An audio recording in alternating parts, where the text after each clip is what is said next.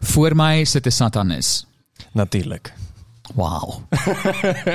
maar Dis dis die tipe geselskap waarmee ek dink dit was my as my ma moet uitvind sommer wie ek dees daar uithang. Ek meen is klaar vir erg genoeg dat ek van penis hou. en nou sit daar 'n uh, wil jy sê jy's satanis? Ja. Ja. Maar daar is obviously mense wat nou gaan, o, oh, katte word geoffer, babas word geslag. Daar's een of ander kerk waar jy moet sacrifice voor jy kan inkom. Ek meen ek het al die stories gehoor. Nee, glo my. Al die stories. Ek ook. Ek van van katteslag tot maagdeoffer tot ehm um, Tot alles, wow, tot amazing. tot voor Satan prostreer en Ah, wow. masturbeer en Ah, voor Satan masturbeer. Ja, natuurlik. Ja, wel net hier dink ek het, het 3 kwart van die audience al uitgetune en dit gegaan. Daar's geen manier hoe ek verder luister nie. So as jy nog steeds hier is, well done, jy het nou al jou trigger warnings gekry. Voor my is Tristan Kap. Korrek, ja. Tristan Kap. Ja.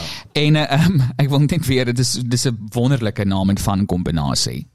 En jy is van Pretoria. Dis korrek, ja. Dis amper erger. Fokkie wat dit jy satanis is, jy kom uit Pretoria uit. Ja, nee, daar is daar is daar is guys ehm um, transvestiete, transseksuele mense, al al die fucking mense is is taboe. Is in in Pretoria, o, is taboe in Pretoria. Ja, wel, a- afhangende van waar jy jouself bevind. Hatfield is nogal fyn. Die die mense daarso is nogal baie progressief, maar ek meen as jy nou kom by goeie soos Montana en Springs en Wel jy's Afrikaans en jy noem jouself 'n satanis. Ek meen you fucked yourself over. o, in in alle maniere moontlik. Ek Ja. dink jy weet, is nie eers meer me- vir my nie nodig om seks Wel, te hê nie. kom ons begin net Ja, fok seks, jy fok jouself. Kom ons begin net gou iewers. Jy is gebore waar? In Centurion. Okay, so jy's ook daar gebore. Yes. Ja. Okay, Daar, okay. daar gebore, daar skool gegaan. Christen groot geword. Korrek. Ja, tot op die ouderdom van 20. 20. Goed. En toe gaan swat jy teologie? Korrek. Ja. En toe wat? So ek het my B graad, my BDiv ehm um, in teologie gedoen en Ja. toe doen ek my MDiv en gedurende my MDiv of nee, dit eintlik begin met my B graad, toe begin ek wonder oor seksualiteit want toe het ek natuurlik die die vrugte van die vlees ontdek met my huidige meisie op daai stadium en ek het toe gewonder by myself maar hoe die moer kan 'n uh, ek wil nou verskriklik uh, aanstootlik wees maar eintlik Ja, net sê hoe, hoe kan 'n ligpappa byvoorbeeld nou iets wat so wonderlik is so vingerwysend afskie Ja. deur byvoorbeeld iets soos die die die vleeslike te eksploreer en so aan en ek het toe in 'n twee stryd gesit ek het daai tyd 'n Christelike mentor gehad agter wie se dogter ek eintlik ook was maar ons sal nou nie daaroor Dis altyd die storie. Ehm Ek kan nie vir jou sê hoeveel mense sê hulle gaan selgroep toe nie want daar's 'n meisie of 'n ou wie hulle ja. smaak. nee, I nee mean, elke keer Ja. elke keer Okay, Ehm, so toe gaan jy na die leier toe. Ja, nee, ek het belydenis van geloof afgelê in NG Kerk, was deel van die kerkband gewees en dit het eintlik verder as dit begin in 2018 toe ek 'n mesaanval gehad het. Dis die NG Kerk, né? Ja, korrek, Okay, die. NG Kerk. Ehm um, ek het 'n mesaanval gehad. Ek was 9 keer gesteek met 'n mes. Ehm um, was vir 3 dae in die ICU gewees en vir 2 Wow. dae in hoofsorg.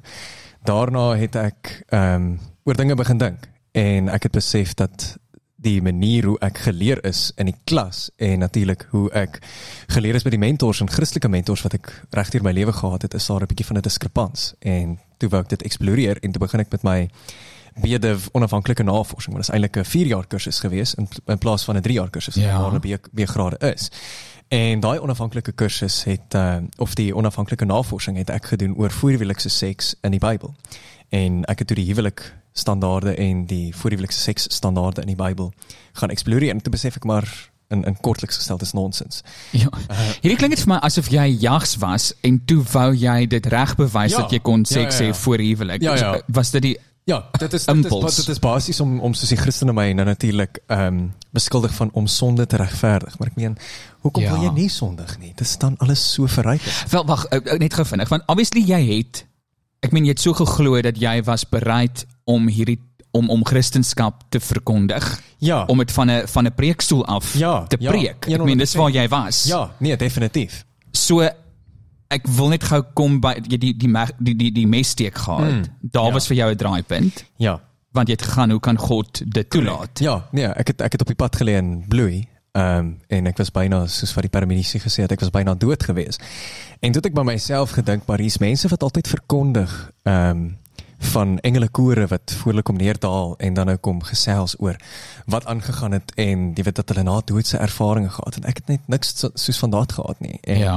Natuurlik het ek ook sielkunde saam met my B-graad bestudeer en dis hoekom ek dit jy weet, dit is my interessant hoe ek goeders analiseer. Ja, ja, ja. Selfs as ek in 'n oomblik van uitbloeiery is, Mm. dink ek en ek rasionaliseer en intellektualiseer ja. alles. En toe het ek maar net besef dat daai dopamien in my brein nie beskikbaar was nie en daarom was daar nie 'n engelikoor gewees Ja. om te besluit. Ja, skryf dit. Wel, jy noem nou dat jy alles eh, rasionaliseer en jy weet jy's nogal 'n kopmens. Ja, absoluut. Maar jy het ook dan nou vir baie lank geglo wat baie mense glo. Ja, ja. So ja, ek meen- daar was daar was definitief 'n mate van emosie geweest. Dit is 'n dit is maar ongelukkig die ding as jy vanuit die NG Kerk uitkom en jy gaan na die charismatiese tradisies toe, dan is daar 'n mate van jy emosionaliseer alles en jy onderdruk jou Intellek. ja, jou denke en jou intellek en so aan want daar is 'n versie in Jesaja wat elke tweede predikant vir jou sal sê dat die hart die misleidendste van alle organe is. Ehm um, En glo soos 'n kind. korrek. Ja, maar daai ding daai narratief bestaan in elk geval glad nie in die Bybel nie. So dis maar eintlik net 'n dogmatiese Ja. interpretasie of so aan. So ek gaan nou by die feit kom dat jy dan nou jouself Ja, ja. bekendstel as 'n vriendelike satanis. Yes. Maar wanneer kan jy die oomblik pinpoint toe jy amptelik geloof neergelê het of net gegaan het godsdiens what the fuck what's going on? Want dit is 'n scary ding om te doen. Ja, nee, nee, ek kan vir jou sê dit is ek kan nie vir jou verduidelik hoe ongelooflik angstig ek was om daai besluit te neem nie. Ek meen dit dit dit lyk nou al vir my asof dit nou van selfsprekend is en dit is maar hoe 'n mens gedesensiteer word teenoor die realiteite van dinge. En op die einde van die dag was dit 'n oomblik van kyk die meisie van wie ek vroeër gepraat het ek het ba- ek was baie baie lief vir haar gewees. Vir my eerste meisie gewees my eerste liefde. Jy weet mense is jonk en jy's liefdevol en al daai dinge en dan word jy geslat met die realiteit. Toe was sy ontrou gewees en sy het op my verneek En toe daar nou natuurlik 'n baie lelike break-up gegaan daarna en op 'n stadium het ek by myself gedink maar ek was vir 6 maande in depressie gewees daarna. Want toe was ek ook natuurlik deur die kerk gekaskei, gestay O, ja. want ehm um, en my vriendin wat gay was het na my toe gekom en vir my gesê maar hoorie so ek is gay en my ma wil my uit die huis uitskop. En ek mag nie meer 'n selgroep toe gaan nie want my ma dink hierdie gay is 'n virus en ek gaan die kindertjies aansteek. So nou mag ek glad nie meer met die kindertjies wees nie. Fuck COVID. Ja, nee, Ons was die eerste pandemie. ja. Ja, so ehm um, dit was my baie baie hartseer geweest en waar sy het my gevra het, maar jy's 'n teoloog, jy jy studeer die Bybel. Wat sê die Bybel oor homoseksualiteit? Ja. En dis nou die eerste wat ek daaraan gedink het en toe het ek my navorsing gaan doen en 'n artikel daaroor geskryf my blog wat nou nog Het jy toe nog geglo dit is 'n sonde? Nee. Het jy op 'n tyd geglo dit om Ja, ja, ek het op 'n stadium met ek in daai slaggat geval van dit was 'n sonde geweest en jy gaan hel toe, maar tot ek werklik in die teologiese klas gesit het. Dis natuurlik waar die diskrepansie vandaan kom waarvan ek vroeër gepraat het. Ja. Die pastore sê vir jou een ding en in die teologieklas, jy weet, leer jy natuurlik uit die handboeke uit 'n ander ding.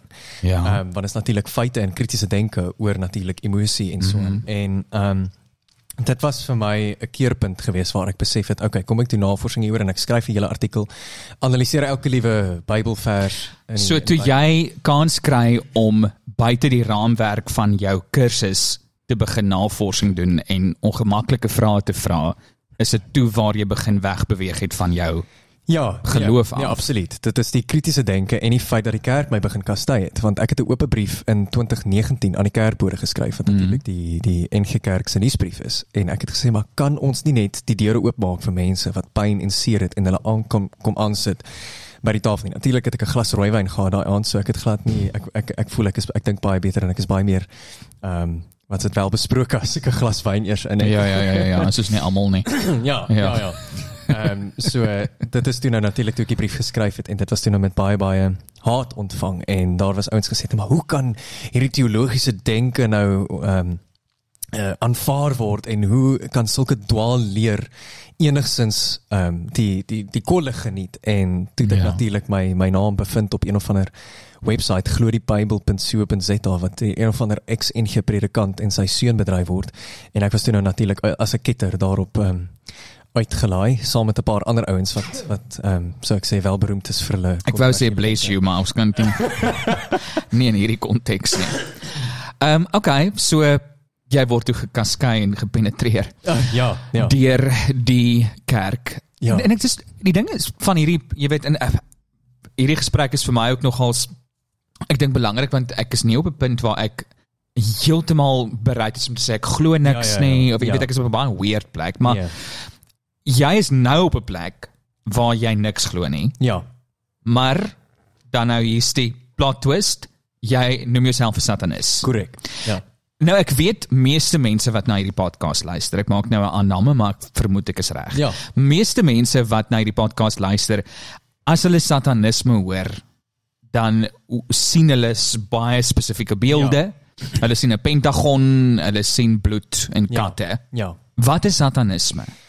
Kyk, dis natuurlik 'n 'n komplekse vraag, maar satanisme is hoofsaaklik um, dit dit vind sy die die naam as ons. Kom ons gaan na die naam toe. Satanisme kom natuurlik van Satan af wat eintlik 'n mitologiese konstruk is wat nie in die Bybel bestaan nie. So van vir die luisteraars wil ek maar net die konteks skep dat die hele figuur van die duiwel is eintlik maar net 'n Romeinse konstruksie wat deur Konstantin geskep is um, en deur keiser Titus in die in die eerste eeu ehm um, deur al die heidense gelowe van daai tyd wat hulle saamgevoeg het en mm. ikonografie en so aan saamgesmelt het om dan nou natuurlik ehm um, die heidense gelowe te vilify en te verkeerd bewys en om dan nou natuurlik die politieke ideaal van uh, Roma Roma as 'n Christelike nasie voor te stuur vir politieke ideale meer as enigiets anders. Ja. Ehm um, so die woord Satan kom uit Hebreëus uit as ha Satan. Nou ha is 'n voorvoegsel in Hebreëus. Haas Satan. Ha Satan. O, haas Satan. Nee, nee, haas Satan. Haas Satan.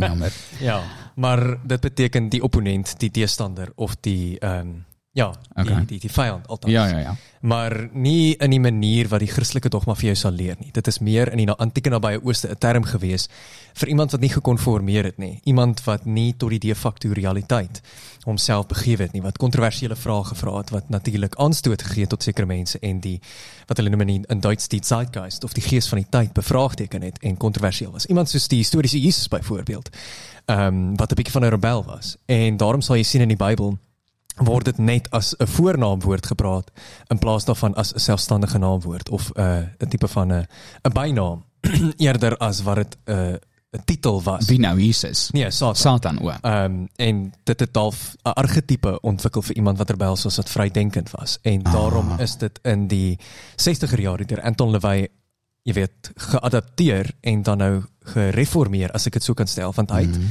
In die 60er jare groot geword waar hy gesien het dat mense byvoorbeeld wat kerk toe gaan.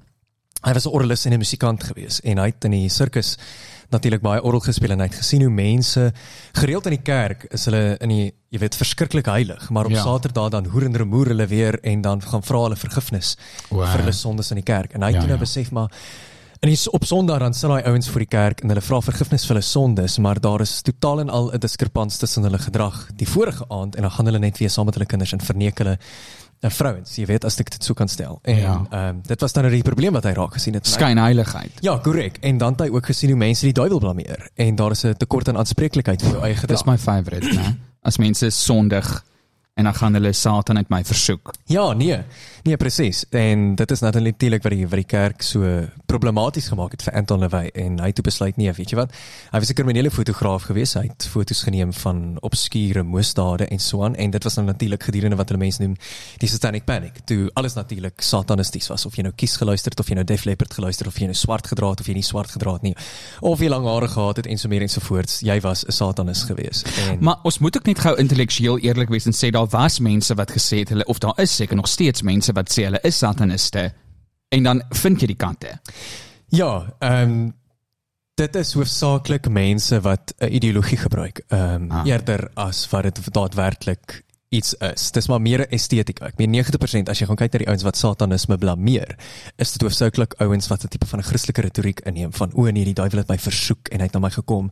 En dit getuig vir my hoofsaaklik na Christelike indoktrinasie. En dis nou natuurlik wat ek wil aanlas by ehm um, by die Satanic Panic. Ja. Daar is natuurlik PhD tesisse gedoen en daar's 'n hele FBI dokument van 'n spesiale agent wat die hele kastige sataniese moorde moorde in Swan in Amerika gaan ondersoek het en dit gefalsifiseer het. En Maar daar was ook een in Suid-Afrika net na apartheid. Was daar nie ook 'n hele seksie of hele departement by die polisie nie? ja, ja, ja, Kobus Jonker was Ja. ja. natuurlik die leier van die okkulte eenheid en hy was natuurlik ook in die Devilsdorp dokumentêr. Ja, ja, ja, ja. Ehm um, wat natuurlik verantwoordelikheid was, maar weer eens dit kom vanuit 'n Christelike predisposisie af van dat daar 'n de facto Satan is wat nou al hierdie goeters veroorsaak terwyl Ja. ja. daar is nie 'n eenheid wat aangestel is om byvoorbeeld die Katolieke misdade te ondersoek, jy weet, van die kindertjies wat gemolesteer word of byvoorbeeld die NG Kerk as ek nou 'n voorbeeld kan gebruik van die mans Ja. wat met vrouens verneek en ehm um, so aan en so voort en skei nie. Ek meen dit is my tog verskriklik vreemd hoe mense vir Satan vir alles blameer, maar nooit verantwoordelikheid vir hulle self vat nie. Dit is natuurlik waar Satanisme inkom waar dit sê vat verantwoordelikheid vir jou eie aksies. Jy is jou eie god. Jy is die skepper en die breker van jou eie realiteit. Ja. En jy het nie nodig om jou knie te buig vir enige iemand of vir enige iets nie, behalwe jy weet jou eie wil nie.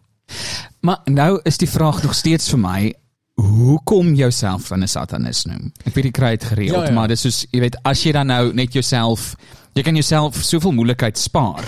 Ek meen jy kan regtig jou jy jy- jou jou live sou nie geban Ja, word ja, ja. nie vir die 5de keer. Ja. As jy actually net dit geïgnoreer het. Ek meen why do this to yourself? Kyk, ek dink daar is ek moet dood eenvoudig wees sê ek is natuurlik iemand wat hou van die skokfaktor. So dit is die eerste Oh, ja. ding, maar die tweede ding is hoofsaaklik toe ek die Satanic Bible koop. Ehm um, dit was natuurlik 'n impulsiewe besluit ek gaan na exclusive books toe koop die Bybel, koop die ding daar. Ehm um, Was dit was dit by exclusive? Ja, dit was Oh, by exclusive wow. books, jy kan dit actually daarso gaan bestel. Ja. Ehm en is ook loot ook loot op loot ook vir mense wat wat wil weet. Maar Hmm. ehm Ja, my audience gaan definitief nou exclusive books na stroom. ja, Ja. Nee, kyk, ehm um, maar dit is nou nie 'n boek soos wat die Christene die Bybel beskou nie. Dit is meer 'n filosofieboek, ehm um, wat jou natuurlik 'n uh, refleksie gee. Dit is natuurlik hoe die in die voorwoord ehm um, word dit verduidelik as dis 'n spieël waar jy natuurlik jouself sien en hoe jy reageer op die inhoud van die tekste is natuurlik hoe jy jouself leer ken. Ja. En dan in die proses leer jy ook wat satanisme is en jy leer ook oor jouself wat dan nou natuurlik die die prinsip van satanisme is. Ja. So ehm um, op die einde van die dag toe lees ek die Satanic Tenets of althans die ehm um, goeters in die Satanic Bible en ek voel my hierdie is hoe ek nog die hele tyd leef.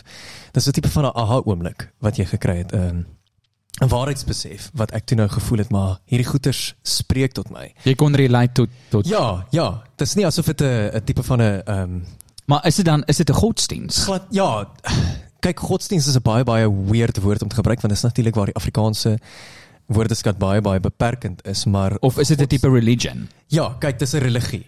Ehm um, in die in die sekulêre sin. Daar is nie 'n god of gode betrokke nie, maar daar is 'n tipe van 'n wat hulle noem in my veld 'n antroposentriese spiritualiteit. 'n Spiritualiteit wat gesentraliseer is rondom die self. Self. Ah. So alle rituele, alle praktyke wat ons beoefen, as ek dit so kan stel, is gesentraliseer rondom jou eie emosies en jou karnale begeertes. Maar dis nie soos orgies of so aan nie, daar's maar net hoofsaaklik die Ai, Ja, nee, maar die die die die die nastrewe van die karnale begeertes word aangemoedig as gevolg van die feit dat dit 'n sielkundige ding is. En dis wat ek wil sê van hoekom ek so geresoneer het met die sataniese Bybel is as gevolg van die feit dat die goeters wat daarin kwyt geraak word is ongelooflik sielkundig. Dis goeters wat 'n sielkundige vir jou sal sê, soos hê jouself lief, ehm um, prioritiseer jouself, drink 'n koppie koffie as jy daarvoor lus is.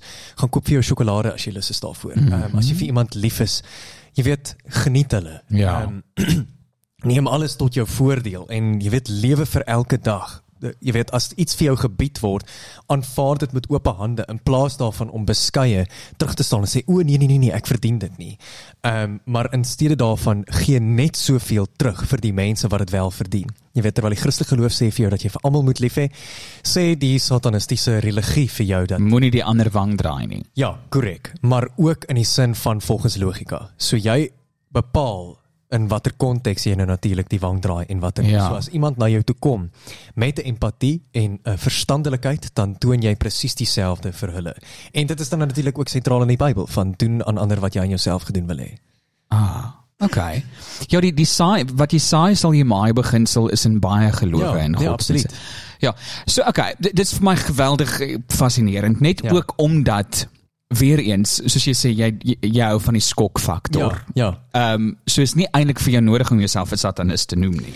Kyk, ja, dit is want dit is 'n tipe van ek meen, dit is soos enige ander geloof. As jy met iets identifiseer en die waardes daarin identifiseer, dan etiketeer jy jouself die ooreenkomstig. Ek dink Ja. mense is ongelooflik bang vir etikette op hierdie stadium want hulle hulle vind dit in elk geval baie beperkend, maar ek voel dat maak nie saak watter etiket jy aanhang, hoeveel etikette jy aan jou hang nie, dit is jou keuse. Ja, ek love 'n label. Ek moet sê is baie kontroversieel deesdae, O. maar ek love 'n label. Ja, nee, absoluut. Dit maak my dit dit, dit maak dit vir my byvoorbeeld ek gaan nou verskriklike dom metafoor of p- jy weet beeld skep. Ja. Maar die koppie is 'n koppie omdat ek dit 'n koppie kan noem. Korrek. So ek weet wat is die funksie van hierdie koppie omdat binne die raamwerk van 'n koppie Ja. is die sekere funksies. Korrek. Maak dit sin? Ja, nee, 100%. goed. En jy kan dit 'n beker, jy kan dit 'n beker ook noem. 'n Beker. Wel, So dit wys jy maar net die die 'n pispot. Ek weet Ja. dit kan baie dinge wees, maar vir my is dit 'n koppie en dis die punt. So omdat ek dit kan label.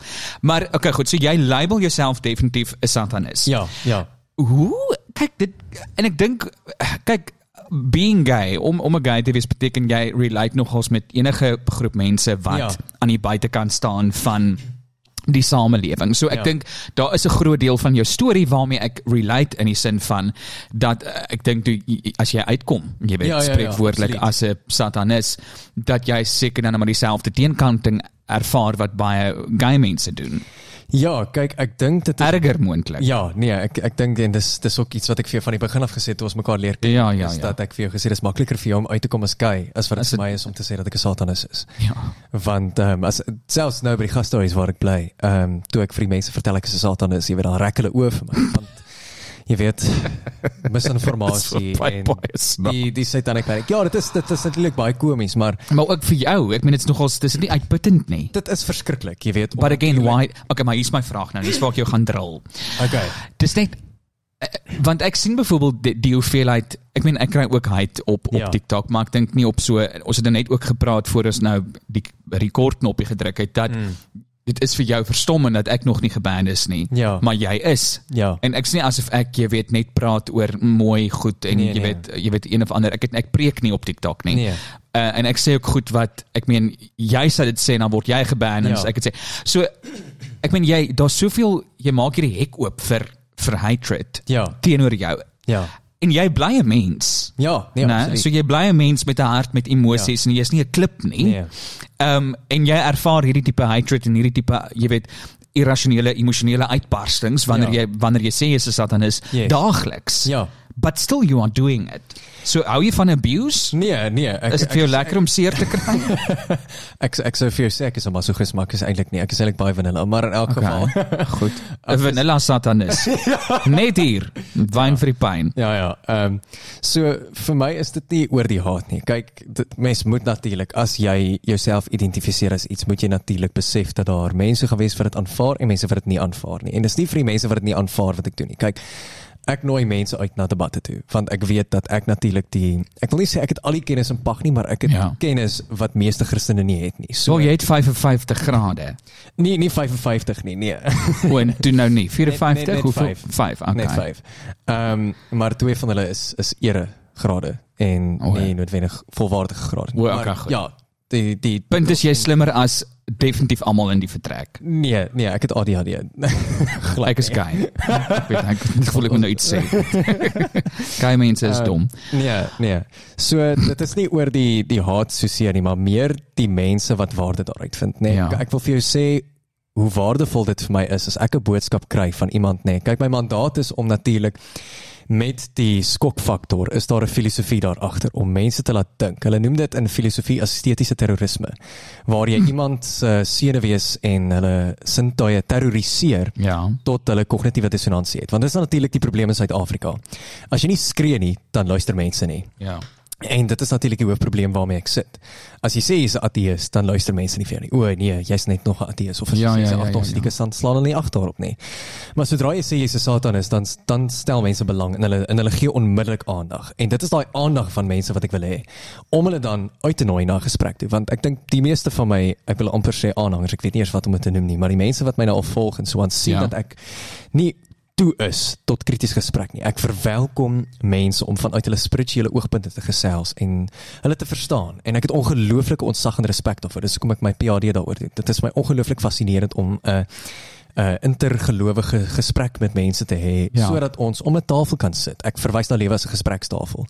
Ehm en almal kan daarop kan kom aan kan deelneem, ja. Ja, en saam met my brood breek. Soos wat Jesus ja. natuurlik met sy disippels met die weird ouens brood gebreek. En dis 'n unieke ding wat ek dink baie mense as hulle geloof of godsdiens verlaat en hulle verlaat die kerk, gaan hulle gewoonlik uit met hierdie sak vol haat en ammunisie. Ja. Um, en dan is hulle enigste agenda of hulle enigste jy weet uitgangspunt en end goal is om mense te oortuig dat almal wat gelowig is of godsdiens is is godsdienstig is is dom of jy weet is jy weet vieslike mense Ja. wat net sk hulle skape. Ja. Ehm um, en dan jy weet hulle daar is baie mense wat van ateïsme byvoorbeeld ook 'n Ja, ja. ja, ja. godsdiens maak, nee, hulle hulle Absoluut. preek dit. Ja, Jy weet hoe absoluut. durf jy glo? Ja. So dan daar's nie ruimte vir gesprek in in Nee. in so tipe aggressiewe Nee, nee, nee, aanval nie. nee, nee. So is jy kwaad Nee, ek is ek ek my dink dit is dit is nou. wat satanisme in my ontsluit het Ja. is 'n tipe van 'n empatie en 'n rasionalisme. So die ateïsme natuurlik was vir my 'n geleentheid geweest waar ek kon vrede maak met my geloofstrauma want daar was verskriklik baie. Daar was boelery, daar was afpersing en jy weet ek was uit soveel kerke uitgeskop oor ek werklik soos Martin Luther 'n verskil wou maak en die kerk se deure wou oopskop vir die mense wat aan die kantlyn sit. En dit is wat my eintlik uit die kerk uitgedryf het en uit Christendom uit weggedryf het want ek het besef daar's meer mense wat hulle eie belange nastreef as wat hulle werklik vir die mense omgee en hulle gebruik natuurlik die Christelike narratief as 'n dekmantel. En Ja. vir my het dit het ek al my rusies en al my woede uitgespreek, jy weet natuurlik op sosiale media op 'n stadium en ek is oor dit. Ehm um, ek het op my blog artikels het ek goeters geskryf. Ehm um, waaroor ek nie spyt is nie, maar wat my gehelp het om my gevoelens weer te gee en ek het altyd ek het gesorg dat ek 'n gemeenskap skep waar ek vir ander mense daai geleentheid kan gee. En ek is nou welsynsberader, so dit het my ook baie gehelp om mense deur hulle geloofstrauma en hulle trauma deur te praat want daardeur leer ek ook baie van myself en dan gaan dink ek daaroor na en dit gee my die geleentheid om myself te aanvaar. So ek het glad nie meer haat of night nie en ek voel eintlik dit is die toksiese aspek wat my weggedryf Ja. het uit ateïsme hoofsaaklik uit. En Ja, jy wil nie jy wil nie word wat jy gehaat het nie. Nee, korrek, korrek. En dit is hoekom ek voel dat hoekom ek ook ateïsme wegge weggeskram het van want ek Ja. ja. voel die Afrikaanse ateïs gemeenskap. Ek praat nie van al die ateïste nie, maar dit is maar 'n toksiese gemeenskap by tye. Ja, ja, ja. Ehm um, en En vir my goeie, wel ek het gebly op 'n tyd vir 'n jaar in Stellenbosch met 'n uitgesproke raging atheist, ja. Letterlik, soos hy was kwaad vir enigiemand wat durf Mm. gesê het dat hy of sy in enigiets glo. Never mind, jy weet of dit nou 'n Christelike geloof is of moslim enigiets, was vir hom jy's absoluut dom. ja, nee. Ehm um, dit dis snaaks want toe ek nou voorberei vir die onderhoud ook ek meen dit is ongelooflik moeilik om objektiewe inligting te kry oor satanisme. Ja. Daar is selfs websites wat letterlik vir jou leer op die eerste page van Google. Jy hoef nie nou ver te soek nie. Die heel eerste, jy weet, soek die die page wat jy kry op Google sê vir jou dat ehm um, hier is maniere hoe jy die gospel kan preek vir 'n satanis. Ja. Letterlik, dis een van die eerste dink dis die nom, nommer 5 op die lys. Yes. You know how to share the gospel with the satanist. Ja. staan hier. Ja. Ehm um, so obviously is daar moer baie ehm um, wanpersepsies. Ja. Ehm um, en alles ek kom maar voel dit vir my uit Christendom uit Ja, want ja. daar's hierdie narratief van Jesus en en Satan. Absoluut. Ehm um, en dis die twee groot, jy weet the biggest battle ever Ja, ja. is tussen hierdie goed en kwaad. Mm, mm. Ehm um, en ek meen as kind het ek geleer dat Satan hy het sy koninkryk, Ja. die hel. Ja. Dit is sy hy sê, dis sy kasteel en hy is uitgeskop omdat hy half die enigste noemenswaardige teenstand was Yes. Vir Jesus, vir God Mm, mm. of God althans. Ja, ja, ja. En dat jy Jesus wat nou ek moet sê selfs vandag nog met jy weet maak nie saak hoe confused ek deesdae is oor geloof en godsdienst nie. Hmm. I really do like eh, waarvoor Jesus gestaan het. Ja, ja, nee, 100%. Ja. Ehm um, maar Satan okay, so hier's hier's hier's waartoe ek gaan nou. ja. Is daar 'n is daar 'n organisasie waartoe jy gaan? Soos as 'n Satanis, is daar 'n tempel? Is daar 'n hoër, is daar range? Is Ja, daar, nee. jy weet, Kyk, ek was deel, dis eintlik waar my my reis met Satanisme begin het. Ehm um, ek was deel van die South African Satanic Church gewees. ja. ehm um, tot en met verlede jaar. En ja, toe raak ek natuurlik besig met my studies en ek uh uh toe my PhD begin nastreef en toe het ek dit natuurlik agtergelaat. Maar ehm um, tot op hede is dit 'n organisasie waarmee ek was, maar ek is nie meer geaffilieer met hulle nie. Alhoewel ek is wel 'n lid van die Satanic Temple in Amerika wat veg vir sosiale regte wat nou veral baie betrokke is in Texas met die abortusregte en natuurlik die want een van die Satanic tenets sê one's body is inviolable and subject to one's own will alone. Ja. So daarom veg hulle natuurlik vir liggaamsautonomie en jy weet seksuele autonomie en natuurlik vir gay regte en so aan natuurlik teen die Christelike oppositie. Nie in 'n sin van jy weet ons wil die Christene uitkry nie, maar ons wil gelykheid hê Ja. Want dit ek gebruik altyd die metafoor ehm um, as as ek byvoorbeeld in die straat loop en daar's ek sien iemand met 'n kruisie dan is dit bloot normaal. Maar as iemand my sien met 'n pentagram dan is dit totaal en al o frek jy weet wat gaan hy nou doen? So daar is 'n tipe van 'n normaliteit en 'n Christelike monopolie wat tans oor die hele weste ehm um, seevier. En ek is voel dit is nodig om dit te breek want net soos wat 'n mens goeders kry soos white privilege en sulke goeders is dit nodig om daai monopolie te breek om dan nou gelykheid te laat seevier op die einde van die dag. En ek het net soveel reg en ek dink dis iets wat min mense nie weet nie. Ja. Of baie mense nie weet nie, is dat satanisme daadwerklik 'n erkende geloof in die Suid-Afrikaanse grondwet is. Ehm um, so net so is paganism ook. Daar enige geloof is dan. Ja, nee. Ja. Maar daar is spe spesifieke gelowe wat nou natuurlik uitsondering O, vir goed. die, ehm vir dier of so aan soos witchcraft of sommige O, ja. witchcraft praktyke in die Afrika tradisies is nog steeds bietjie gestigmatiseer. O. Maar ehm um, die onpopulêre goeters is sedert 1994 aanvaar en Ja. nie ehm um, En dis wat ek so gehou het van die ek weet jy het opinies oor die Devilsdorp dokumentêr. Yes. Want dit is jy weet dit dit gooi nogals olie op hierdie vuur Ja, ten opsigte van ek meen daai fucking Cecilia. Ja, ja, ja. Jy weet dit is die satanisme waarmee ek groot geword ja, het. absoluut. Is dat jy kan in wolwe verander en jy Mm, toegang mm. tot magic. Bose magte. Ja, en jy so kan by is Harry Potter. Ja. Iemand het een van my uh, mentors weer eens is dieselfde mentor waarvan ek vroeër gepraat het, het vir my gesê dat Christendom vir hom is 'n vorm van sad magic. Soos is al vir die sad poging om te kantoor. Ja. Um en dieselfde met hoe hulle satanisme in daai dokumentêr uitbeeld. Ja.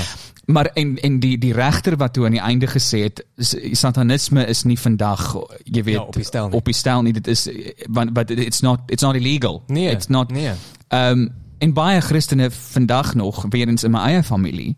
Ehm um, as hulle nou moet hoor ek gesels met 'n met 'n satanis gaan onmiddellik gebedsgroepe Ja. Ja. begin of jy weet een of ander post maak en sê bid asseblief vir my kind. Ja. Hy het in kontak gekom met 'n satanis. Ja, wel, Ag, as- ons is nou as- terug. As jy koffie soek gaan maak gou.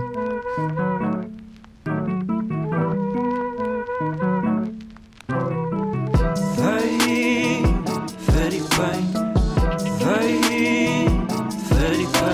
Dis wat gebeur as jy vergeet om die kenwyse aan die aan die begin te speel en ek wil dit net gespeel het. Dis al en nou is ons terug met deel 2, 'n gesprek met Tristan Kap. Tristan Kap, hy is op TikTok. Wat is jy nou op TikTok? Want jy het al 5 profiles Ja, gehad. kyk ek is maar deur en deur bekend as the friendly Satanist. The friendly satanist. Ja. Okay, goed. Ehm um, wel ek het net vir jou gevra of daar, jy weet, of daar een of ander oppermag is waar waarheen jy gaan om te report of as jy Hmm. mm. probleme het of daar een of ander community is soos 'n kerk. Ja. Ehm um, en jy het genoem daar is 'n Ja, tempel kyk, daar's die Satanic Temple, maar en is daar eredienste. Nee, nee, glad nie. Daar is meer dis meer sosiale gatherings wat fokus. Dis dit is eintlik nie 'n geloofsorganisasie nie. Dis 'n politieke organisasie. Ehm um, soos maar die soos byvoorbeeld wat jy die DA kry en ehm um, jy weet ander O, okay, ehm, goed te verstaan. Politieke organisasies in Suid-Afrika. As jy dood waartoe gaan jy?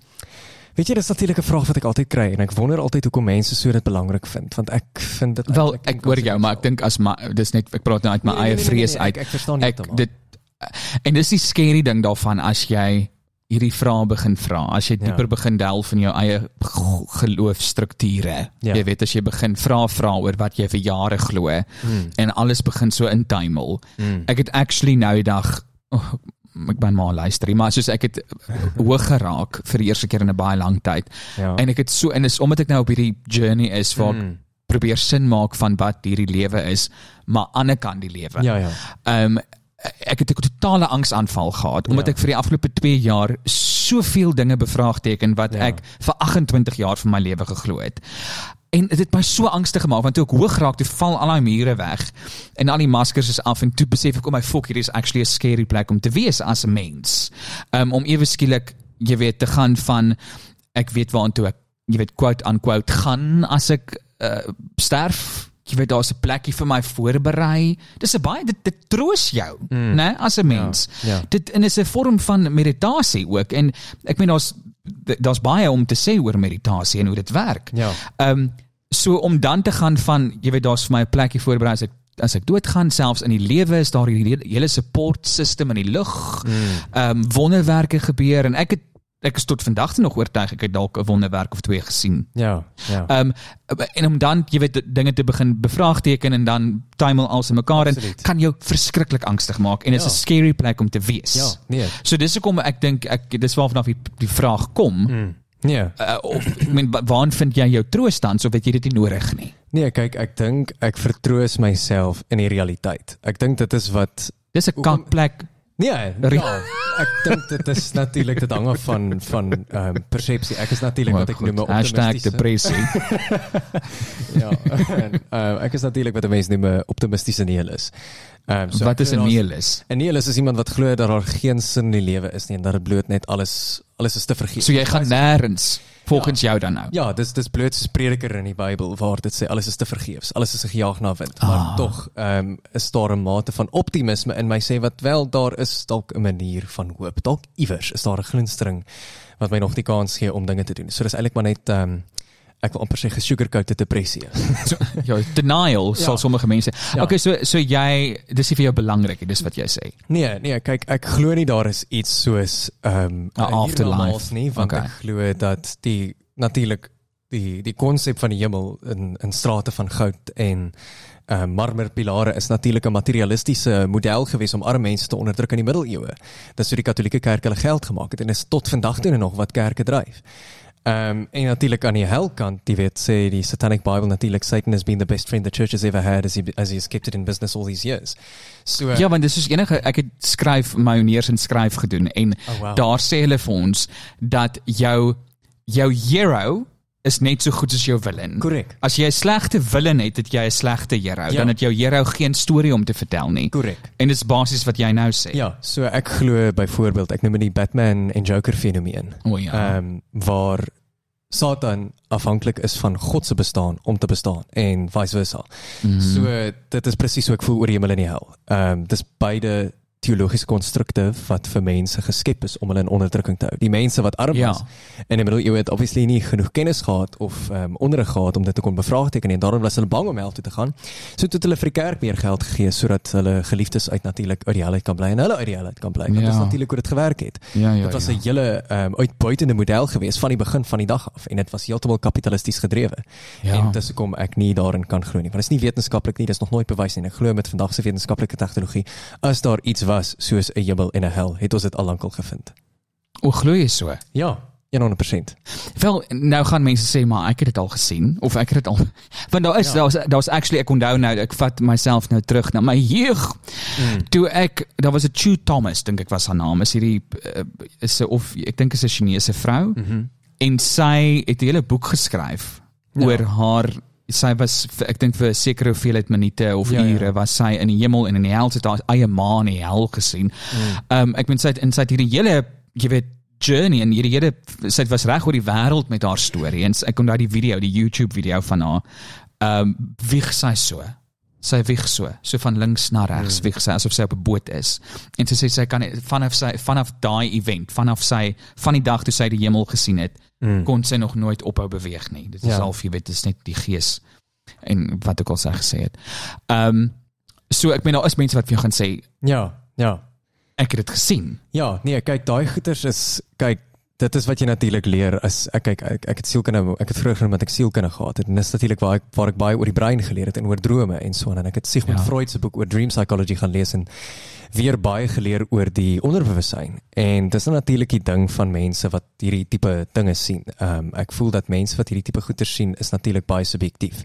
Ja, um, obviously. Wanneer jy doodgaan byvoorbeeld, dit dit dis dit word natuurlik ehm um, onder daar's 'n hele Netflix ehm um, reeks daaroor wat hulle praat van supernatural O ja, ek het gesien, ja. experiences en so on en daar's natuurlik 'n hele studie in ehm um, oorsee. Ek dink is een van die universiteit in Kanada wat hierdie tipe goeters bestudeer wat eintlik die oorsprong daarvan wil bestudeer. Ja. Want daar's so baie mense wat hierdie goeters aanhang en dit ook soms skizofrenie, ja. Ja, nee, absoluut. En dis nou wat ek wil aanraak. Baie van die goeters wat hulle beleef is waarskynlik afkomstig van ehm um, onder andere goeie so skizofrenie want skizofrenie word geken aan die feit dat dit 'n ooraktiewe dopamien korteks in jou brein het en dopamien is natuurlik verantwoordelik nie net vir plesier nie maar 'n ooraktiewe dopamien 'n mate in jou brein kan natuurlik hallusinasies veroorsaak. Dis hoekom jy byvoorbeeld as jy op sterk medikasie is soos pynmedikasie, is daar baie gereeld dopamien in want die dopamien neurotransmitter is natuurlik die anti-ding wat ehm um, ek weet nie wat die neurotransmitter vir pyn is nie, wat dit byvoorbeeld teenstaan en Ja. ja. dit oorrompel.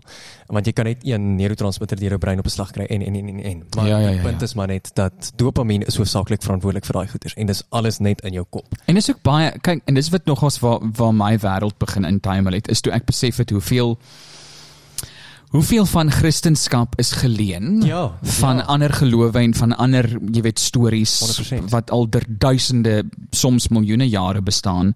Ehm um, en ook jy weet dat dat mense dit besef baie van wat Christendom glo was al lank geglo in byvoorbeeld swart kulture Ja. of of in die Khoisan gemeenskap Ja. byvoorbeeld die hele ding dat mense bymekaar kom en saam aanbid en dan het jy hierdie revelations of daar's Ja. jy val om of jy kry een of ander hysterie of ehm um, waar ek ook eendag 'n studie gelees het baie jare terug oor die effek van byvoorbeeld as 'n hele paar mense, kom ons sê nou 100 mense in jou kerk dieselfde mm, ding doen. Ek bedoel in 'n charismatiese kerk waar jy letterlik rondhuppel en hande klap en hande opsteek en is hierdie fucking high Ja, wat jy beleef.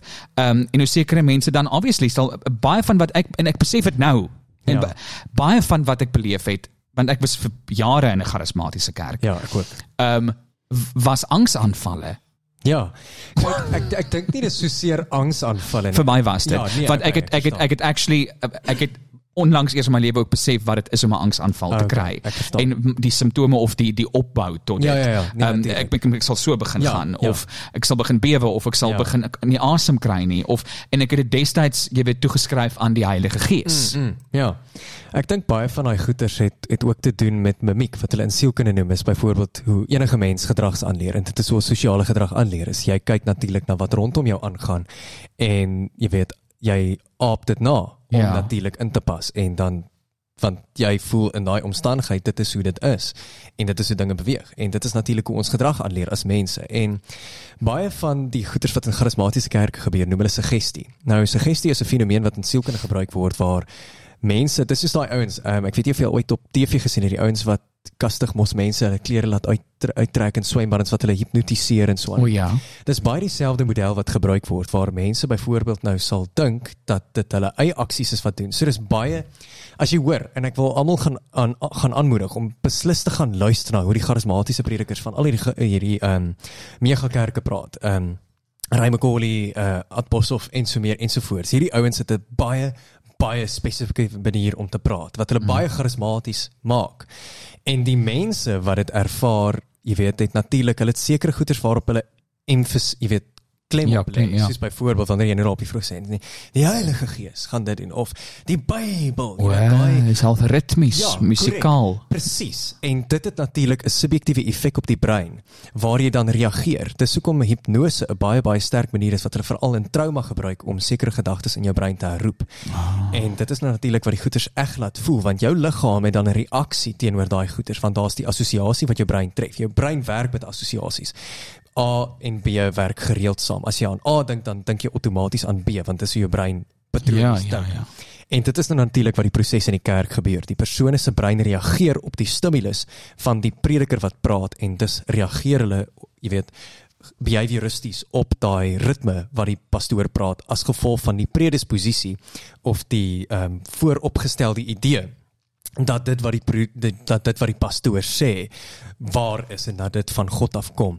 As gevolg van die charismatisme wat die predikant mee praat en hulle het nie die genoeg ek wil sê onderrig en die kennis om dit te kan falsifiseer of verifieer nie. So daarom aanvaar hulle dit maar net as die de facto waarheid en hardloop daarmee. Dink jy dit is d- skadelik om te glo in God? glad nie glad en geheel en al nie want ek sal ek sal hoekom ek so sê is dat vir baie mense en 'n vriendin van my ehm um, wat julle is van my gemeenskap se ma is baie Christelik en my meisie is Christelik en ek, O, regtig? ja ja ek het ek het 'n Christen meisie ehm um, en Maar ja, dit is natuurlik ander polemiek. Maar die Ek weet nie wat hoe doen sy dit? Ek meen net in die hele ding van hallo, hier's my kerel die satanis. Ja. Ja. nee, kyk, dis Gaan julle saam kerk toe? Nee, nee. Ehm um, Nagmaal? glad nie. Nee, ek het ek het natuurlik daar's 'n TikTok video wat ek op 'n stadium en dis hoe ek en sy ontmoet het. Ek het die TikTok video gemaak waar ek waar iemand vir my gevra het sal ek ooit 'n Christelike meisie date. Toe sê ek ja. Maar dan moet sy tevrede wees met twee opsies. Ehm uh, nommer 1 ons gaan kerk toe en sy moet bereid wees dat ek met elke ouderling in die kerk en elke predikant gaan stry. Ehm um, of nommer 2 ons gaan glad nie kerk toe nie. Ehm um, Maar as jy nie bang sy bekeer jou nie. Weet jy nie, ek is redelik selfstandig in my perspektiewe, maar ek voel nie dis haar uitgangspunt om my te bekeer nie. Ek dink dit is van die Want sien dis dis my dis my vrees met enige iemand wat en ek het daar's actually een vriendin in my lewe. Ek maak dit oor myself, mm -hmm. maar dit's my fucking podcast. natuurlik. Ehm um, daar's 'n een vriendin wat ek het. Ehm um, sy glo ek gaan hel toe. Ja. Uh, uh, net omdat sy sy sê sy kan nie help nie. Sy's ook 'n ex-lesbien. Ja. Ehm um, en ek sy het saam met drama geswat en dit is vir my baie moeilik om haar self met my ma, maar Ja. ehm um, wat nog steeds baie van die goed glo wat teen my menswees indring, mm, jy weet. Mm. Ehm um, en ek kan nie ek kan nie dis my baie moeilik om mense te reduseer of te jy weet te, te minimaliseer Ja. ja. tot net een ding. Ja. Ehm um, maar my vrees deesdae is dat as ek iemand in my lewe het wat um, in my lewe kom as 'n Christen met my vorige ervarings nou al het ek ondervind dat ek gewoonlik 'n projek raak. Ja, ek raak 'n ja. projek vir 'n kerk Ja. of ek raak 'n projek vir Correct. iemand wat sê hulle is gelowig want jy weet nog iemand wat hulle aan hulle kant kan kry. Ja.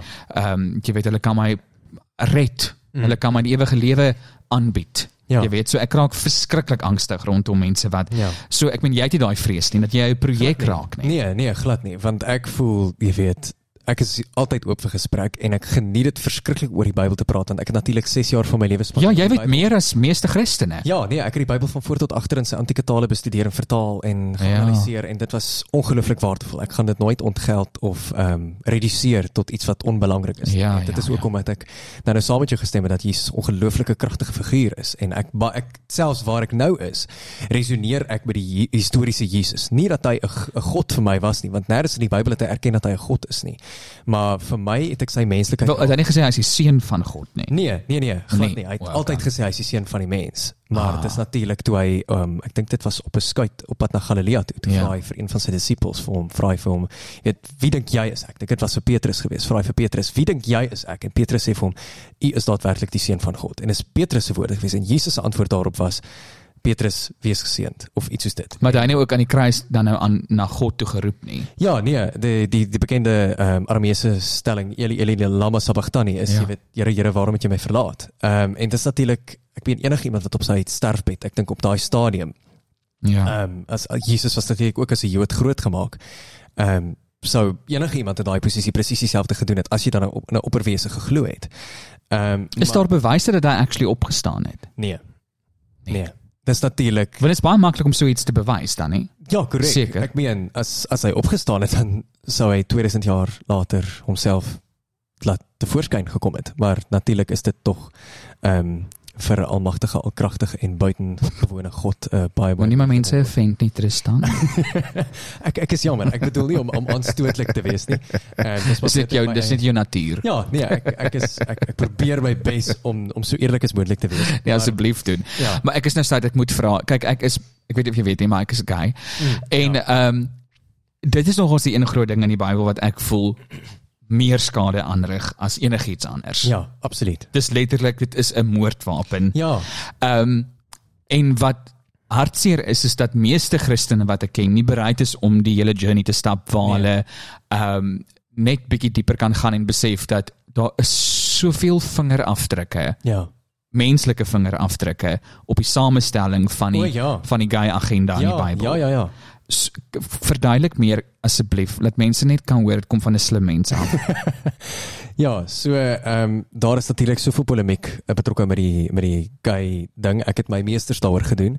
Ehm um, my meester se titel was uh, Spiritual Sexuality and Ecclesial iets soos dit. Ehm um, ek uh, wat Ja, ek kan nou nie onthou wat die ehm um, titel was nie, Ja, maar ja. dit het iets te doen met sexuality en spirituality waar ek probeer jy weet seksualiteit dekonstrueer het as 'n uh, a-kerklike fenomeen, iets wat buite die kerk kan opereer as 'n tipe spiritualiteit. Mm Maar die ding natuurlik is en ek het daar in my tweede hoofstuk gepraat oor die homoseksualiteit ding en natuurlik 1946 wat gebeur het is daar's 'n hele polemiek wat daar gebeur het is toe kon Amerika toe wou die Amerikaanse bestel 'n Bybelvertaling uitbring.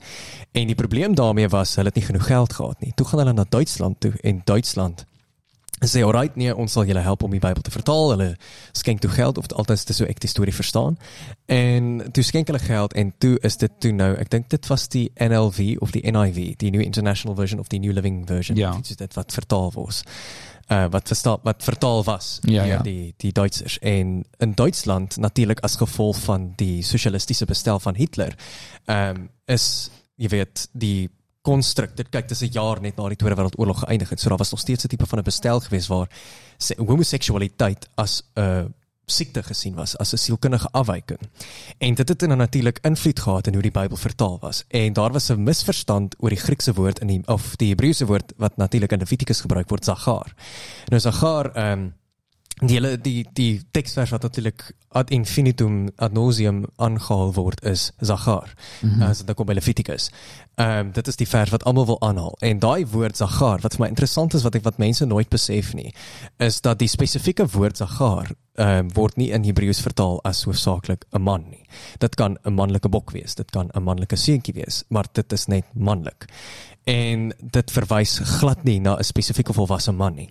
Maar daar is natuurlik ehm um, in die konteks van die hele situasie verwys dit meer nie na omgang as sulks nie maar 'n dominasie wat gebeur het in ehm um, jy weet in oorlogssituasies jy kan byvoorbeeld gaan kyk na uh, die die antieke Persiërs toe Ja. die Grieke die Persiërs natuurlik oorrompel het en oorwin het het ehm um, Alexander die Grote natuurlik is al baie uh goeters gewees en baie sketse van uh, op mure gewees waar die ehm um, die ouens ander domineer en dit was maar net 'n tradisionele ding gewees van ek maak jou my slaaf deur jou te domineer. Dit was glad nie 'n seksuele ding gewees nie. Ehm um, Natuurlik aan die ander kant in die Ou Testament wat ek ook vir die mense wil sê is as mense dink dat homoseksualiteit teen die Bybel is, dan moet hulle gerus Samuel gaan lees waar of Konings dink ek waar dit praat van die Dawid en Jonathan narratief wat natuurlik 'n baie baie onbekende ding is in die hele homoseksuele debat wat die mense natuurlik baie maklik ignoreer. Waar Dawid vir Jonathan sê, um, ek het jou lief soos wat die met dieselfde liefde wat ek het vir 'n vrou. En daai ding is natuurlik verskriklik kontroversieel want dit kom a- dit is afkomstig van 'n Persiese teks. Ehm um, of 'n Sumeriaanse teks, die Epos van Gilgamesh wat natuurlik baie baie ouer is en waaruit die Ou Testament baie baie verleen het. En dan volgende in die Nuwe Testament kry natuurlik die Griekse woord arsinokoites wat dan hoofsaaklik vertaal word as ehm um, jy weet homoseksualiteit. Maar die probleem met daai woord is ons verstaan nie wat die definisie van die woord is buite in die Bybel nie of in die Bybel nie want hy word net twee keer gebruik, een in Korintiërs en en nog 'n keer in 1 Timoteus of 2 Timoteus, ek is nie seker nie. Maar iewers in Timoteus word hy weer gebruik. Ehm um, gesamentlik by die vers dat 'n vrou onderdanig moet wees aan haar man. En arsunokoites as jy hom vanuit die Grieks vertaal beteken nie homoseksualiteit nie, maar sexual exploitation in 'n ekonomiese sin. Ek het natuurlik 'n blog op my uh, artikel op my blog geskryf waar ek gesê wat met die naam God is love vraagteken. Ehm um, waar ek natuurlik elke teks in detail gaan analiseer en verduidelik hoekom dit nie is nie. Homoseksualiteit is nie. So die die arsinokoites Griekse woord wat in Korintiërs gebruik word en in Timoteus verwys na sosiale en 'n of seksuele exploitation of uitbuiting in 'n ekonomiese sin, soos seksslawerny, prostitusie, ehm um, en so meer ensovoorts. En dit is- Pedofilia. Ja, presies, pedofilie. Ehm um, en dit en kinderpornografie byvoorbeeld wat verkoop word, byvoorbeeld is ook 'n opsie. En dit is natuurlik afkomstig van in Korinte was daar 'n tempel van Afrodite gewees. Of Aphrodite soos meeste mense hulle ken. En Korinte was 'n hawe stad gewees. So dit is basies 'n baie baie baie antieke brakpan, as ek dit so kan stel. Ehm um, en die mense was verskriklik bar. En die probleem was natuurlik is hoeveel van die seilers as jy nou natuurlik vir jare op 'n boot is en jy's nie gewoond aan aksie nie, wil Ja. nou aksie hê. En dan gaan jy na die tempel van Aphrodite toe wat die geskiedkundig gesproke oor die 1000 prostituie gehad het, insluitend klein seentjies of jonger seuns. En dit is natuurlik waar die Griekse woord saam met die arsinokoites gebruik word, malakos. Die malakos verduidelik nou natuurlik na effeminacy. Maar as hierdie inligting so beskikbaar is, I mean, hoekom is dit nog steeds in die Bybel? Die probleem is die Bybel word dogmaties vertaal en dit word as prins van vertaal en dit is ook 'n probleem. Omdat die kerk baie van hierdie Ja, nee, absoluut. pedofiele het. Ja, ek was so teleurgesteld geweest veral toe ek die die Bybel die 2020 weergawe van die die die Bybelvertaling gelees het want 'n vriend het dit vir my geskenk om dit te, te review en ek was baie baie bekwes geweest toe ek gesien het dat die woorde wat ons die huidige perspektiewe op het nie jy weet ver, jy weet verander was nie. Ek meen selfs Romeine waar daar uh, die die hele konteks van waar mense sê okay nou het jy van Levitikus gepraat, nou het jy van Korinte gepraat en Timoteus wat van Romeine wat sê dis teen die natuur. Maar wat hulle nie verstaan is nie daai konteks praat van die Egiptiese kultus wat in daai tyd gebeur het. So Paulus het nie met die Christene gepraat nie. Maar hy dis praat van 'n spesifieke kultuur. Ja, en dis die probleem wat die mensdom in vandag se tyd nie aan verstaan nie. Die Bybel is nie vir jou geskryf nie. Die Bybel het nie in Afrikaans uit die hemel uitgeval nie. Jy moet sien dis ook 'n ding wat mense regverdig vanuit die Bybel. Ja. Dit is geïnspireer Ja, deur God homself. ja. En mense vergeet actually dit, dit is nog steeds ten spyte van wat mense nou glo, dit is nie geskryf deur 'n baie groot hand en 'n pen nie. Nee, nee, nee. Dis mense. Nee, dis nie soos die die skildery van Rembrandt wat wys so engele in sy oor kom fluister nie. Dis nie hoe die Bybel geskryf is nie. Ja. En ten spyte van die feit dat dit dan nou deur mense, jy weet, geskryf is of versamel is of oorvertel is, word dit ook konstant vertaal Ja. deur mense. Ja, ja, en natuurlik Feilbare mense. Ja, presies. En dis natuurlik ook die probleem want meeste van die antieke Bybelse tekste is vertaal of geskryf met politieke agendas. Maar Ja, dis ook- die die genealogie in Genesis en daai goeters is nie eens akkuraat nie, want dit is geskryf met 'n doel om 'n sekere politieke ideologie te handhaaf. Ja, en om ook 'n sekere ek- eh, want die Romeine nie ook het op 'n tyd baie goed gelyk het nie. Ja, ek meen ja, hulle- absoluut. Die Romeine is natuurlik die hoof verantwoordelike party of die hoofsondebok vir die verspreiding van Christendom in die weste, want as Ja. dit nie vir hulle was nie, as dit nie vir Titus of ehm um, Konstantin was wat na Christendom bekeer het en dit die de facto geloof gemaak het van Rome nie, Ja. dan was Christendom nie nou in Afrika nie. En dis die ding nou, hoe meer jy weet, hoe minder wil jy weet, Ja. want dit is nogals weer eens as jy soos jy ook nou maar gelowig of godsdienstig groot geword het is dit amper onmoontlik as jy nie bereid is nie. Met ander woorde, as dit nie 'n 'n 'n bewuslike besluit is wat jy maak nie Ja. om om hierdie goed te bevraagteken en om jy weet dit wat jy glo net bietjie dieper te ondersoek nie wat tog vir my sin maak. Ek meen jy sal niks anders in die lewe probeer as jy nie meer daaroor weet nie. Korrek. Jy sal nie met iemand trou as jy nie sy hele stamboom, jy weet, uitgelet om en as jy nie seker gemaak het met, met byvoorbeeld ek maak seker daar's nie siektes in die familie nie. Ehm um, maar ek meen jy, jy het soveel vrae wat jy vra voor jy met iemand trou. Jy het soveel ja. vrae wat jy vra voor jy begin werk by 'n by 'n maatskappy of by een of ander onderneming. So ek meen jy doen alles, alles in jou lewe verg um, en vra van jou om navorsing te doen Absoluut. en vra van jou om vrae te vra. Ja. Maar tog for some weird fucking reason wanneer dit kom by wat jy glo en waarin jy jou ewigheidswaarde vind, Mm. is ons nie bereid om vrae te vra nie. Ja, ek Wat dink- maar basically dit beteken jy is in 'n kult. Ja, nee, ek dink baie baie van die kerke is kultusse en ek dink dis ek wil ek wil daadwerklik sê as ons nou die Katolieke Kerk as 'n voorbeeld gebruik, dan is die Katolieke Kerk een van die oudste kriminele organisasies benewens die El Capone, ehm um, benewens die die ISIS. mobs en die, ja, ISIS en die die Cape Flats se ouens en die gangs en so aan. Ehm um, die ek glo tot vandag toe nog baie baie kerke 'n mate van gangsterism in hulle. En dit is absoluut die waarheid, maar ek dink mense is bang om daai vraag te vra want hulle is bang vir en ek dink dit is iets waartoe ek en jy kan relate waar jy gesê het jy wat jy het alles het ingetuimel. En ek dink dis waarvoor mense bang is daai Ja. konsep van wat as my hele realiteit intuimel? En dit is vir my hoekom ek glo dat dit nie 'n probleem is vir mense wat aan 'n God glo nie. Ek dink dit is dis goed vir jou maar ek dink dit is belangrik om jy weet om om dit Nie almal is sterk genoeg nie. ja Of presies syn genoeg of emosioneel stabiel genoeg nie. Meen, Absoluut. En dit is dan natuurlik die die polemiek waarmee jy sit. Sommige Ja. ja. mense is nie emosioneel sterk genoeg om sonder 'n God te opereer nie. Wel, ek moet sê en dit is waar ek jy weet die lyn of nie die lyn nie, maar is waar ek half net gaan solank wat jy glo en wat jy doen nie slagoffers het nie. Solank daar nie mense seer kry Ja, in wat jy glo nie of Absoluut. deur wat jy glo nie. Met ander woorde as jy iets glo en dit affekteer niemand om jou nie of dit maak niemand seer nie of dit boelie nie iemand emosioneel nie, is ek fyn met wat ook al jy glo. Ja, nee, en ek stem definitief saam. Dit is wat Satanisme ook sê, die die seven satanic principle, die vierde ene sê die vryhede van ander moet gerespekteer word, insluitend die vryheid om aanstoot te gee. Maar as jy willens en wetens en onregverdiglik iemand anders se vryheid betree, dan vergeld jy of ontgeld jy jou eie. Ja, dis hoekom ek uh, so geïrriteerd raak as mense, jy weet, gay wees gelykstel aan pedofiele. Mm. Want dan gaan ek eh, pedofiele het daar's daar's slagoffers, Ja. daar's actual mense wat seer kry. Ja. Jy weet, kinders wat wat se lewens verwoes word. Ja, Ek wat iemand anders lief hê. Ek meen hoe Nee. te fok kan jy daai twee Ja. vergelyk? Wat weer eens, dis net vir my daai is eenvoudig net jy's dom. ja. Ek ben daar's ek kan nie nee, daar's ek kan nie met jou intellektueel raak daaroor nie. Absoluut. Ek kan nie. Nee, ek stem- drie ek stem kwart saam. homofoob eintlik met elke fucking homofoob wat ek ken, kan ek nie intellektueel gesels nie. Nee.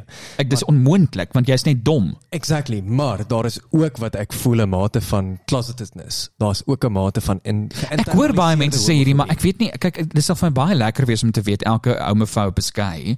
Maar dink jy dit is is dit daar bewyse hiervoor? Ek dink nie daar's so seer bewyse nie, maar ek dink dis 'n baie baie sterk argument of althans 'n baie sterk verduideliking vir die antagonisme, want as jy so obsesseer oor dit dink dan is dit tog 'n mate van Jy repressie. skop teen teen iets. Jy Ja. weet dis half jy- verbode vrugte en Ja, en soos die video wat jy gemaak het is, jy weet dat seks baie naby aan aan Wel, aggressie is. is.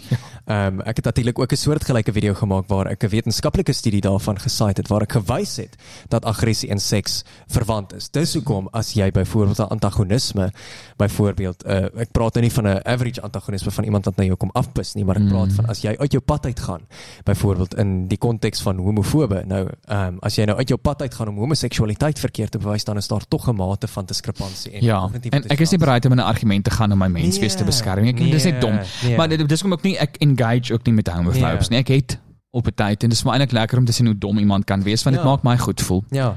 En sit my bietjie aan ook. ek dink is ek dink is interessant nê. Nee.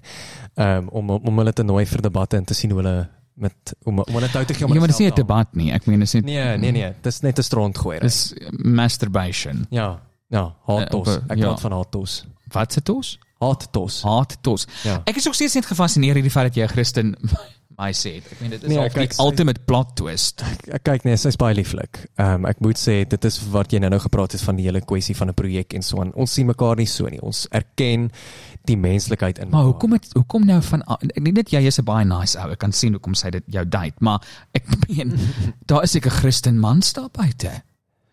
Ja, die ding is natuurlik Dis nou maar net die hart, die, die, né? ek dink nie dis die hart so seer nie. Ek dink daar's baie baie probleme in die Christelike kerk. Ek meen my sussie is 'n Christen ook en daar's baie baie weird ouens wat in die kerk uithang. Baie baie weirder as Satanas. As jy dink fucking Oh, Satanas is definitief. toksiese ouens. Definitief. Yes, dat jy nog nie kerk ouens gesien nie. Hulle is hulle is iets anders. Ek het al meer verkragters in die kerk van gehoor as wat ek al buite die kerk van gehoor het. 100% en hulle maak dit ook toe onder jy Ja, weet onderdanig, ja. wees onderdanig. Ja, ja. Wat eintlik maar net beteken lê onder my. Ja, absoluut. En sy's doen wat ek sê. Ja, en sy's natuurlik 'n baie baie gedrewe meisie met haar eie besigheid en so aan en ehm um, daar is nie mans wat daai verstand het en jy weet sê ek verstaan jy het jou eie lewe en ek het my eie lewe nie. Jy weet daar's 'n vorm van kommunikasie wat ons het, wat ons van die begin af het. Ek het nie geweet sy was 'n Christen toe ek haar ontmoet het nie.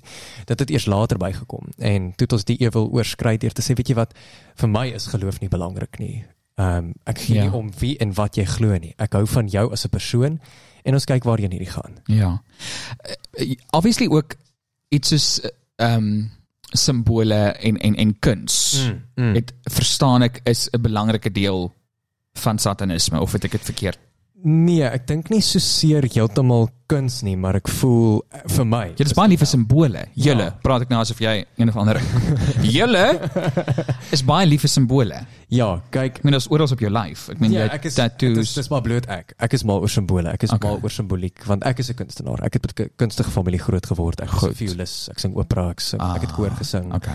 En allerlei dinge. So ek is verskriklik lief vir kuns. My pa se kuns, my pa se skildenaar en 'n filosoof. So ek het ek het baie baie met so 'n rigting groot geword en ek was altyd gefassineer deur simbole en waarvoor hulle staan. En ek wil eintlik nou, ek is op 'n missie om die geloofssimbole te versamel op my lyf in in die Ah. vorm van tattoos om net te Okay. kyk, jy weet, om te bewys dat dis dis nie eksklusief nie. Ons kan almal hierdie goeders op ons dra Ja, ja. en jy weet daar's 'n vorm van coexistence en dis nou natuurlik toe my live ook gebeur is nou die aand toe ek 'n hele donderse poster agter op my gehad van al die geloofssimbole wat sê coexist. En toe uh, word ek gebel. Durf jy dit sê? Ja, maar jy sien dis 'n mate van hoe jy kom na die tafel toe met 'n oop hart en jy sê kom sit aan by die tafel en as iemand die tafel ombliksem, ja. Is dit op hulle, nie op jou nie. En my ouma het altyd gesê, die vrou wat hier agter my hang, sy het altyd gesê dat dit is wonderlik wat gebeur as mens verby aannames kyk. O ja, absoluut. En dit daar's baie mense veral jammer vir al om al die Christene ja, wat ja. nou luister maar dit is al veral in die Christen gemeenskap en ek kan dit net sê omdat ek self daar was. Ja. Jy kom met jou sakkie vol aannames na die tafel toe. Ja. En dit is waaruit en waarvan uit jy kommunikeer en Ja. dit is jou reaksies is op grond van 'n aanname. Ja, Jou hatred, jou haat kom vanuit 'n aanname. Ja. Ehm um, selfs met die guiding. Mm. Jy weet alles alles alles wat jy glo is omdat jy aannames maak. Ja. En ek dink dieselfde met met satanis. Ek meen Ja. my eerste aanvanklike aanname was altyd dat obviously fok ek het gehoor van kerke waar jy 4 of 5 keer verkragt moet word voor jy in die kerk toegelaat kan word Yes. want sy is of jy weet jy moet mense vermoor of daar's allerlei Ja, weet taakies of ja, goed wat jy moet ja. doen. Um, en ek het dit vasgeglo. Ek meen ek was so ek het as ek 'n riller gekyk het met een of ander fucking simbool in mm. Mm. pentagon het ek gevas. Ja. Ek ja. meen dis waar ek was. ja. Ehm um, weer eens net omdat ek nie bereid was om navorsing of my eie vrae te Ja. begin vra nie, Ja. want ek was vrae gegee om te vra. Mm. Ek meen maar ek het nooit regtig my eie vrae gevra nie. Ja. En toe dit begin gebeur het, besef ek o, eintlik glo ek deesdae meer as enigiets anders glo ek in deernis. Ja. Ek glo ja. in deernis soos wat Mm. ek dink baie mense glo in God. Mm. En ek meen ek wil nie ja, ek gaan dit nou daar laat vir nou, maar dis half jy weet deernis is maar waar ek die lyn in die sand trek. Maak Absoluut. saak wat jy glo nie. Ja. En dit is af my hartseer as mense hoor, ek meen jy is letterlik die the friendly fucking satanist sonder Ja. die fucking maar Ja, ja. en jy jy jy probeer. Ek Ja. meen jy probeer regtig hierdie Ja. brug bou Ja. en dan word dit weer eens op grond van 'n aanname Ja. dat jy 'n kat gaan eet of ja. Ja. Devilsdorp en al. Devilsdorp of wat ook al. Jy het wel al 'n Bybel gebrand op 'n live. I mean fucking Nee, ek- kom ek het aan die Bybel geskeer. Ek het die Bybel geskeer. Jy maar vra mos nou vir 'n ban.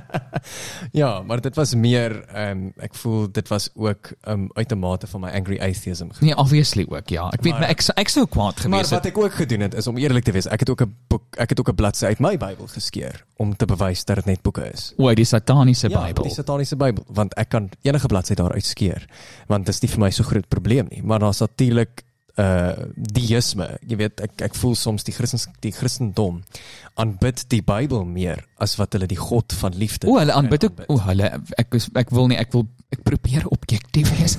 maar ehm um, jy weet dit is vir my hulle daar Christene baie Christene ek was ook op tyd daar bla Ja, bla bla bla was aanbid ook die kerk meer as wat Ja, hulle God glo. Hulle ja. hulle hulle buig voor die preekstoel. Ja, nee, absoluut, want die predikant weet mos waarvan hy praat van die Bybel en daarom moet jy glo 90% van die predikante in Suid-Afrika het nie eers kwalifikasies nie. Ja, jy gaan op 'n naweekkamp en jy kom terug as 'n pastoor. Ek meen shofar. Presies. Ek moet ek shofar hmm.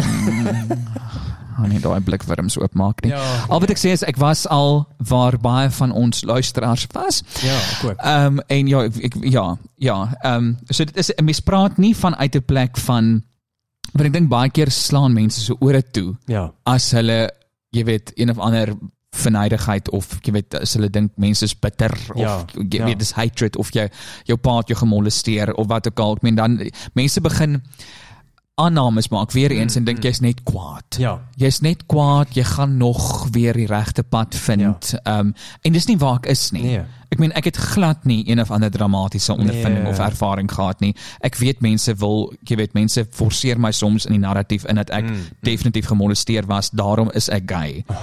Ek is nie. Sorry. Antiklimaks, maar ek meen dat daar's soveel goed wat ek ook daagliks hoor. Ja. Ek meen ten opsigte van hoekom is jy dan nou gay? Ehm um, ek is seker dieselfde met jou. Hoekom Ja. is jy dan nou 'n satanis? Ja.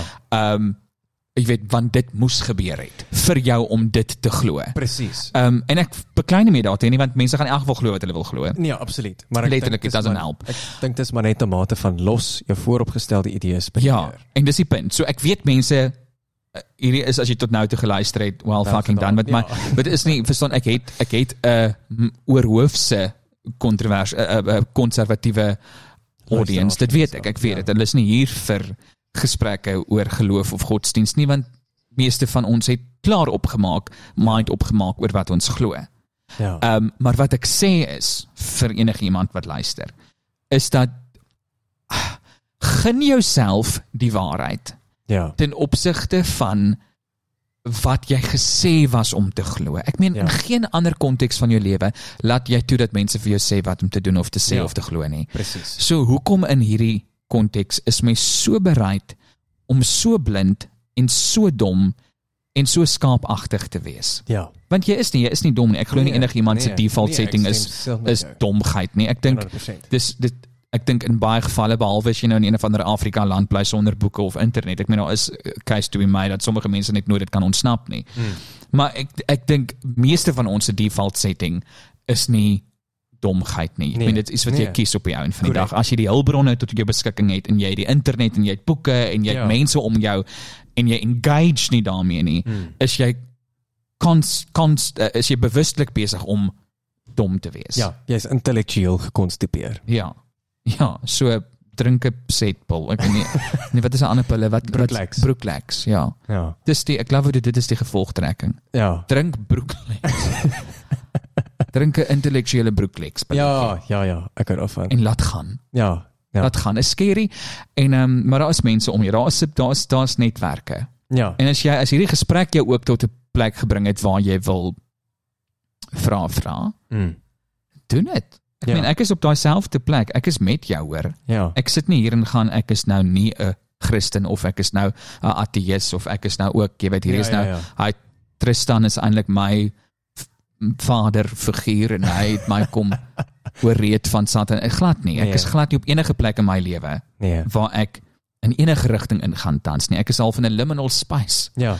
Ehm um, waar ek toelaat op 'n gesonde manier om jy weet dieper te delf in goed wat jy glo Ja. of geglo het. Ja, Richard Gardner het natuurlik 'n Ierse filosoof het 'n boek geskryf daaroor, Atheism, waar hy gepraat het van 'n akoestiese spasie Ja. tussen ehm um, wat is dit? Ontoteologie wat natuurlik die konservatiewe fundamentalistiese kant is en dan die militante ateïsme wat dan aan die aggressiewe kant is. En hy Ja. praat van die akoestiese spasie waar jy natuurlik jou jouself vind. En Ja. ek dink dit is waar baie mense Satanisme en natuurlik jou perspektief ook van verstaan. Ek is nie hier om die woord van Satan te versprei nie. Ek is bloot net hier besig om gesprek te ontlok. Ja. En ek dink dit is iets wat mense meer moet doen. Ek dink Maar dit gaan ver verby godsdiens, né? Nee, natuurlik. Dit is later 'n gesprek net oor basic humanity. Ja, maar ek dink dis die kwessie van ek dink in die Afrikaner gemeenskap is altyd vir 'n ou gesê, jy weet, daar's drie gesprekke waarvan jy wegbly in enige konteks af en dit is politiek, seks en geloof. En Steve Hofmeyer. en Steve Hofmeyer. Ja, maar maar maar hom praat ons nou nie van nie.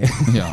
Nee, glad nie. Hy is ek is nie bereid om daar te Ja, gaan. nee, ek ook nie. Ek het nie energie nie, maar ek dink daai drie gesprekke, hoe meer ons oor daai gesprekke praat in elke liewe konteks moontlik. En ek praat van praat, nie mekaar slaan nie. Ek praat van praat in sê van jy sê iets en die ander ou luister. Daai Ja. ou sê iets en hulle luister of iets soos dit. Ja, Daai ja, tipe ja. dialoog. Hoe meer ons in dialoog daarmee tree, Ja. hoe meer jy daaroor gesels, hoe beter sal ons kan wegkom van hierdie argaïese denke want sedert die 1600s het die kerk nog nie 'n reformatie beleef nie. Ja. Dis die kakding waarmee ons sit met die gereformeerde tradisies hoofsaaklik. Mm. Ons sit nog steeds met 'n middeleeuse en 'n renessans mentaliteit waarvan ons nie kan wegbeweeg nie. En as Ja. ons nie daaroor praat nie, as jy nie in 'n bar oor 'n bier met iemand kan gesels sonder Ja, raak dronk en gesels hieroor. Ja. Dis my beste, dis die Ja. beste raad wat ek vir jou kan gee. Want wie- glo ek ek weet ek weet dit is scary, maar dis baie beter om dit dronk te doen. Ja, jy kan 'n meer rasionele gesprek, hoe sê jy, jy kan 'n eerliker gesprek met 'n Ja. dronkman hê as wat jy met 'n En dan die volgende oggend sê net was Satan. Of jy sê dit was die wyn. Ek meen gee die wyn skuld. Ja, ek meen ja. fok die Satan. wyn, ja. Sorry. Maar blameer die wyn. Ja. Ja, In elk geval, dit was baie lekker. Ek moet sê, ehm um, jy's ongelooflik slim. En ek gaan definitief dit se 3 of 4 keer weer moet luister net om van die woorde te gaan opsoek. Ehm um, maar dit is lekker en ek is jammer vir al die uitrit wat jy kry. En ek dink ook jy kry nogals ook baie liefde né, en baie aanvaarding. Verskriklik. Jy's nie 'n victim nie. Nee, en dis hoekom ek dit doen vir die mense. Ek het nou 'n gemeenskap. Ek het Ja. mense genooi en ek het vir hulle veilige spasie gebied Ja. waar hulle nie geoordeel word of gekastei kan word vir wie hulle is nie. En dis maar iets wat op sosiale media Ja. ehm um, gefasiliteer En waar kan mense jou in die hande kry? Weet jy hulle kan my e-pos by tristan.thefriendlysatanist by gmail.com of hulle kan vir my op TikTok 'n boodskap stuur. Ehm um, ja, ek dink Ek dink is 'n missed Google. opportunity. Dit moet hotmail wees. Ek dink jy's Dot ek dink jy's com. ek dink jy's ek dink jy's reg. Ek gaan Ja. nog hotmail adres skep. ja. Ehm um, en natuurlik die ander ding is uh, hulle kan my ook Google. Hulle kan my naam in van Google. En, Tristan Kap. ja, dan kan hulle my naam Google en dan is my sosiale media en alles ook daar bekombaar. Okay. Sê gou weer die e-pos. Tristan.thefriendlysatanist@gmail.com. En dis Tristan met 'n A. Ja, Tristan met 'n A. Nie Ja. Christian met twee A's nie, maar een A. Hoe durf jy? Tristan met een A. Ek was so pas so getrigger. Ek ek wou dit graag sê. Ek is nou ek beer. In elk geval, dankie. Dankie. Ons gesels hopelik weer. Ag, oh, hierdie was fantasties. Dankie Wy. Bye.